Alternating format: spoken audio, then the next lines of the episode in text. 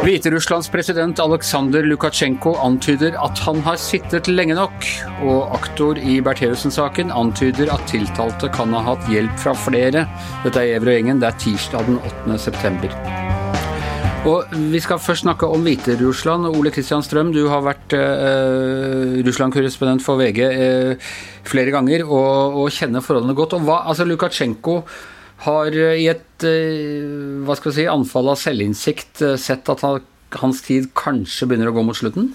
Det er muligens å trekke det litt langt, men han har i hvert fall sagt noe sånn. Men han sier samtidig at jeg er den eneste som kan forsvare hviterusserne, sier han. Så um, jeg tviler litt på hvor langt den selvransakelsen har kommet. Uh, det er jo ingenting som har tyda på de siste ukene at han uh, vil uh, gi seg på noen måte i forhold til opposisjonen. Ja, for Hvor lenge er det 26 år eller noe sånt han har sittet nå? Siden 1994, ja. Da gikk han over fra å være um, direktør for et, um, for et kollektivbruk til å bli president. Og eh, hva kan han eventuelt ha å tjene på nå, antydende sånn? Er ikke det egentlig bare å, å øh, jazze opp demonstrantene og opposisjonen og gi dem blod på tann?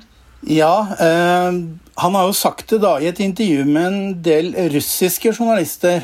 det er tydeligvis en, har vært en slags pool der hvor flere flere russiske nyhetsbyråer og radiostasjoner og TV-kanalen Razia bl.a.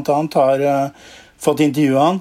Og um, kanskje har han jo fått et signal fra Moskva om at han kanskje bør legge seg på en annen linje. Vi skal ikke se bort fra det. Hvor, hvor sterke har protestene vært nå den siste tiden? Det er fortsatt store mengder med folk som går ut på gatene, og det, mange, det var jo hundrevis som ble pågrepet i helga um, av de um, spesialstyrkene i politiet.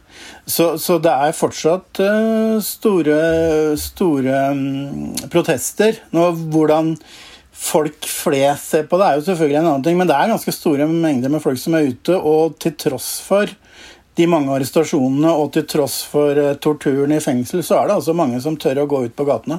Og så så vi, Det var vel tidligere i dag faktisk, at opposisjonsleder Svetlana ja, man sier det, Tikhanovskaja eh, sa at opposisjonen nei, at situasjonen er fullstendig uakseptabel, og ba om eh, internasjonale sanksjoner mot eh, Aleksandr Lukasjenko. Øker presset nå liksom, på, på flere fronter? Eller? Eh, ja, hun ga jo et intervju til VG, vår egen journalist Alf Bjarne Johnsen, i går, der hun akkurat sa det samme, at det er viktig nå at Vesten presser på. Eh, Vesten er jo kanskje litt i en dilemma der, for på den ene side så, så vil jo støtte opposisjonen, men samtidig så er det jo ikke et, det er jo ikke et klart valgresultat som finnes. Men altså, det er jo ingen tvil om at både Vesten og Tikhanovskaja ønsker et nytt valg. og interessant i dag er jo faktisk at Lukasjenko ikke utelukker at det kan bli et nytt valg. Riktignok etter noen konstitusjonsendringer, som han sier. Og han, han, han, tidfester det heller ikke, så vi vet jo ikke akkurat hvor, hvor nær framtid han, han, tenker seg det. Hva er din gut feeling på dette? Er dette bare skuebrød uh, og uttalingsteknikk, eller uh, er ting faktisk uh, i ferd med å skje? Det er ingen lite som tyder på per dags dato at noe i ferd med å skje. Det skjedde jo også, det som òg har skjedd nå, er jo at en av Tikhanovskajas nærmeste, Maria Kalesnikova, ble pågrepet eh, eh, på grensa til Ukraina nå. Eh, Lukasjenko personlig forsvarer det i dag og sier at, at hun har brutt regler, mens opposisjonen derimot mener at det her er noe som er iscenesatt av hviterussisk etterretning. Og det er også to andre mannlige ledende opposisjonelle som kom over grensa til Ukraina, som er i Ukraina. Og når vi da tenker på at Tikhanovskaja sjøl sitter i, nei, i Litauen og, og, er Det er jo veldig mye som tyder på at hun har blitt eh, pressa hardt av hviterussiske myndigheter med faktisk barna sine i, i potten. Så det er ganske skremmende ting som skjer der. altså. For de er fortsatt i Hviterussland? Nei, barna er i Litauen, mens da mannen jo sitter fengsla i Hviterussland. Ok. Det blir veldig spennende å følge. Vårt, eh, vi har altså et team, som Ole Kristian sa, eh, i Hviterussland. Alf Bjarne Johnsen og Helge Michaelsen som eh, følger dette på, på nært hold. Så det er bare å følge nøye med i VG. Tusen takk skal du ha, Ole Kristian. Og da skal vi hjem igjen. Uh, Astrid Mæland, du har uh, fulgt uh, første dagen i denne helt spektakulære saken mot Laila Bertheussen, altså samboer med tidligere justisminister Tor Mikkel Wara, som måtte trekke seg som justisminister etter at det ble kjent at samboeren var siktet for å ha eh, stått bak truslene og, og hærverket mot, eh, mot, familien selv. Og Hvordan har første dagen i retten vært? Jeg vil si at det var ganske utrolig, som du er inne på, Anders. Det starta med at eh, Tor Mikkel Wara, som da er offeret i denne saken, kom sammen med det som påtalemyndigheten mener er eh, overgriperen, altså tiltalte Laila Anita Bertheussen. Og det er jo sjelden. Det kan jo virke som Tor Mikkel Wara fortsatt støtta sin samboer. Han satt like bak henne, på benken bak. Mens hun hele tiden sto oppreist. Hun har en sykdom som gjør at det er vanskelig for henne å sitte.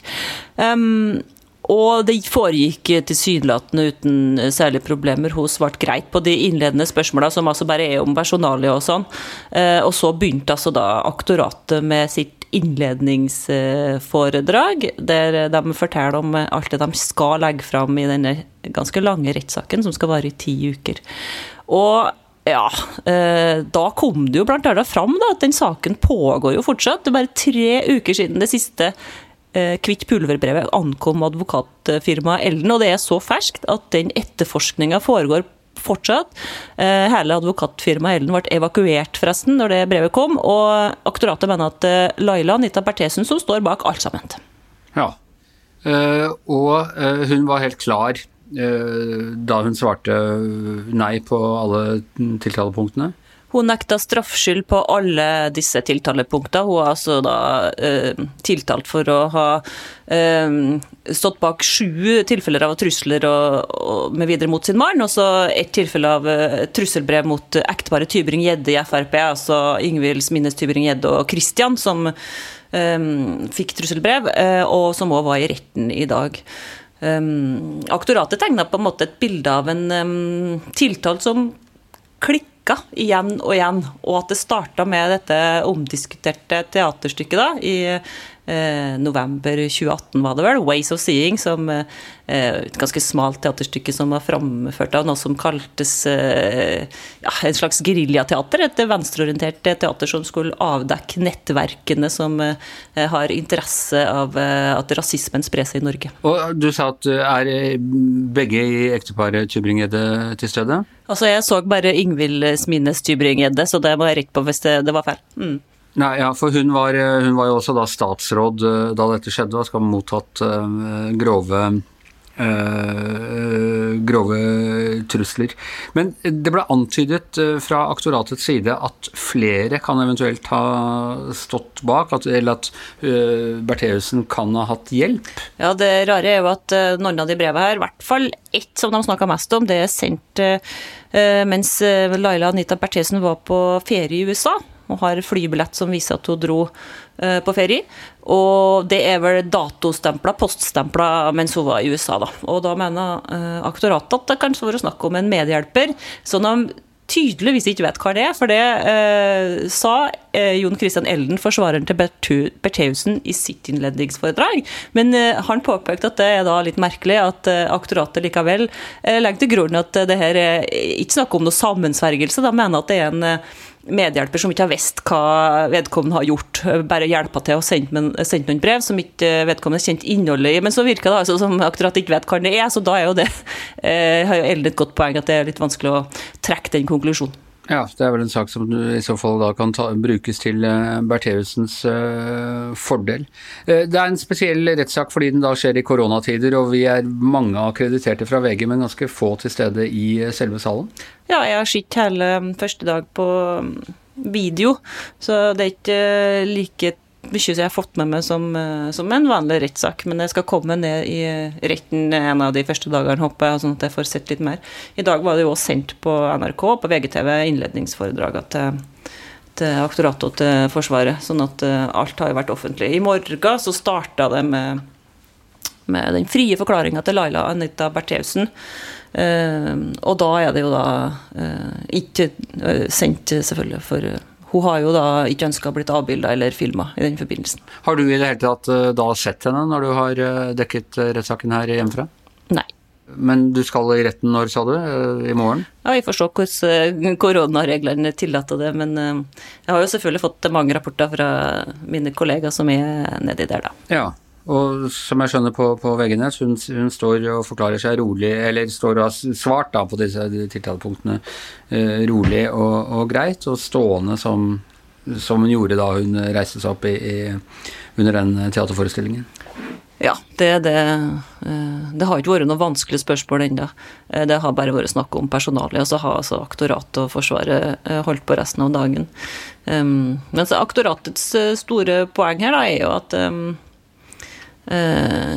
disse angrepene har foregått over eh, ja, tre måneders tid. At eh, de knytta det hele tida til nye hendelser i Laila Anita Bertheussen sitt liv. Sånn at hun blir provosert av en eh, debatt på Dagsnytt 18, at hun blir provosert over et intervju i Morgenbladet, at hun er Eh, blir provosert til nye uh, hendelser når eh, hun får vite at uh, saken er henlagt, altså den anmeldelsen hun innleverte mot teatret. Og slik mener de at uh, motivet er hele veien å ta hevn på en måte da, mot et venstreorientert teaterstykke som hun blir stadig mer sint på. At det bygges opp så masse frustrasjon at det får sitt utløp i um, påtente søppelbøtter eh, trusselbrev osv. Så, videre. så har det, det har stått en del på, på alle nettavisene om en sånn lapp som hun har hatt festet til eh, veska si, som er utdrag fra en mail som hun har fått fra, fra en av politiadvokatene? Ja, stemmer det. Hun har med seg et sånt nett der hun har bilde av seg sjøl på side, og så er det utdrag fra e-post fra en ansatt i PST på andre sida. Jeg tror poenget med det der teksten der er å vise at eh, her er det PST og politiet som må etterforske, og det er eh, påtalemyndigheten som må bevise at eh, hun har gjort noe galt. Det er slett ikke sånn at hun må bevise sin uskyld. Så det er en polemisk tekst eh, trykka på dette nettet, da. Ja, fordi politiadvokaten skriver da i denne teksten om at, at du må gjøre din, den er rettet til Elden, du må gjøre din klient oppmerksom på at det ikke påligger henne å bevise bevise sin eh, uskyld. Eh, det er påtalemyndighetene som skal bevise hennes skyld, eller et eller annet eh, sånt. Stemmer. Ikke sant? Det indikerer vel det som vi allerede vet, at hun har tenkt å kjempe videre, og at det er begått urett mot henne etter hennes syn, og hun har da nekta straffskyld på alle punkter. Og det her henta jo hennes forsvarer Johan Christian Ellen opp i sitt innledningsforedrag, da, som var ganske kort på slutten av dagen. Um, det er også da opp til PST og politiet å etterforske, og det er opp til påtalemyndighetene å bevise det her. Og han mener da selvfølgelig at det, til tross for at det her har blitt en kjempestor prestisjesak, som han har rett i at det er for PST og påtalemyndigheten, eh, så har ikke de klart å finne noe smoking gun, som det heter. De har ikke klart å foto, uh, fått tiltalte filmer på overvåkningskamera. Det er ikke noen sensorer som helt klart knytta til, til hendelsene. Og det til tross for at selvfølgelig hver eneste stein snudd her. Så det det han eh, legger fram i sitt innledningsforedrag. Og der har han jo selvfølgelig et godt poeng. Eh, den saken har jo foregått kjempelenge. Det har vært etterforska og brukt eh, svært kompetente folk, alle krefter i Kripos, PST, ikke sant, har vært satt inn for å finne eh, noe som de kan bevise. Eh, DNA, fingeravtrykk, hårstrå, alt mulig, men de har altså ingenting annet enn eh, en indisiekjede. Så retten må jo da bli overbevist over eh, indisiekjeden, da. Og, og, så var det, det har vært mye på både hos oss og andre om eh, at et av disse trusselbrevene skal ha inneholdt rester av urin. Ja, det visste ikke jeg på forhånd. Det er dette brevet som gikk til ekteparet Smines, eh, eller Tybring-Gjedde, da, og et av trusselbrevene som gikk til Vara. Som hadde brennmerke på seg, og som hadde utklipp fra det Morgenblad-intervjuet som er nevnt med en av skuespillerne i Ways of Seeing. Eh, det har altså da urin på seg, begge de to brevene, som er nesten helt like. Eh, og det fikk ikke vi høre noe mer om. Er det menneskelig urin? Er det eh, mulig å spore det tilbake til f.eks. tiltalte? Det fikk vi eh, ingen indikasjon på, men jeg skulle tro at eh, hvis de har eh, får det DNA i den urinen, så ville vi ha visst det nå. Så en, en, bare nok en bisarr del av en allerede temmelig eh, bisarr sak. satt av eh, er det ni eller ti uker eh, til saken? Ja, du kan si at det er ti, da, men det er en høstferie imellom. Så det er jo en kjempelang sak. Er, jeg lurer på om det er 40 vitner. Det skal legges fram så masse dokumentasjon. De har sett på tusjer som Bertheussen har hjemme hos seg sjøl, og sammenligna dem med tusjskrifter på veggen på huset. De har sett på konvolutt og brevpapir, sammenligna det med trusselbreva. Frimerkehefte hjemme hos Bertheussen, sammenligna det med frimerke på trusselbrev. Selvfølgelig masse videofilm. Og eh, ja, i det store hele skrifteksperter, og det blir mye som skal dokumenteres, så det blir en lang sak. Ja, og hun begynner altså på sin eh, frie forklaring i morgen. Det blir spennende å følge med på. Tusen takk til eh, deg, Astrid. Eh, takk til Ole Kristianstrøm. Jeg heter Anne Skjever, og vår podkastadministrator heter Magne Antonsen. Vi høres igjen i morgen.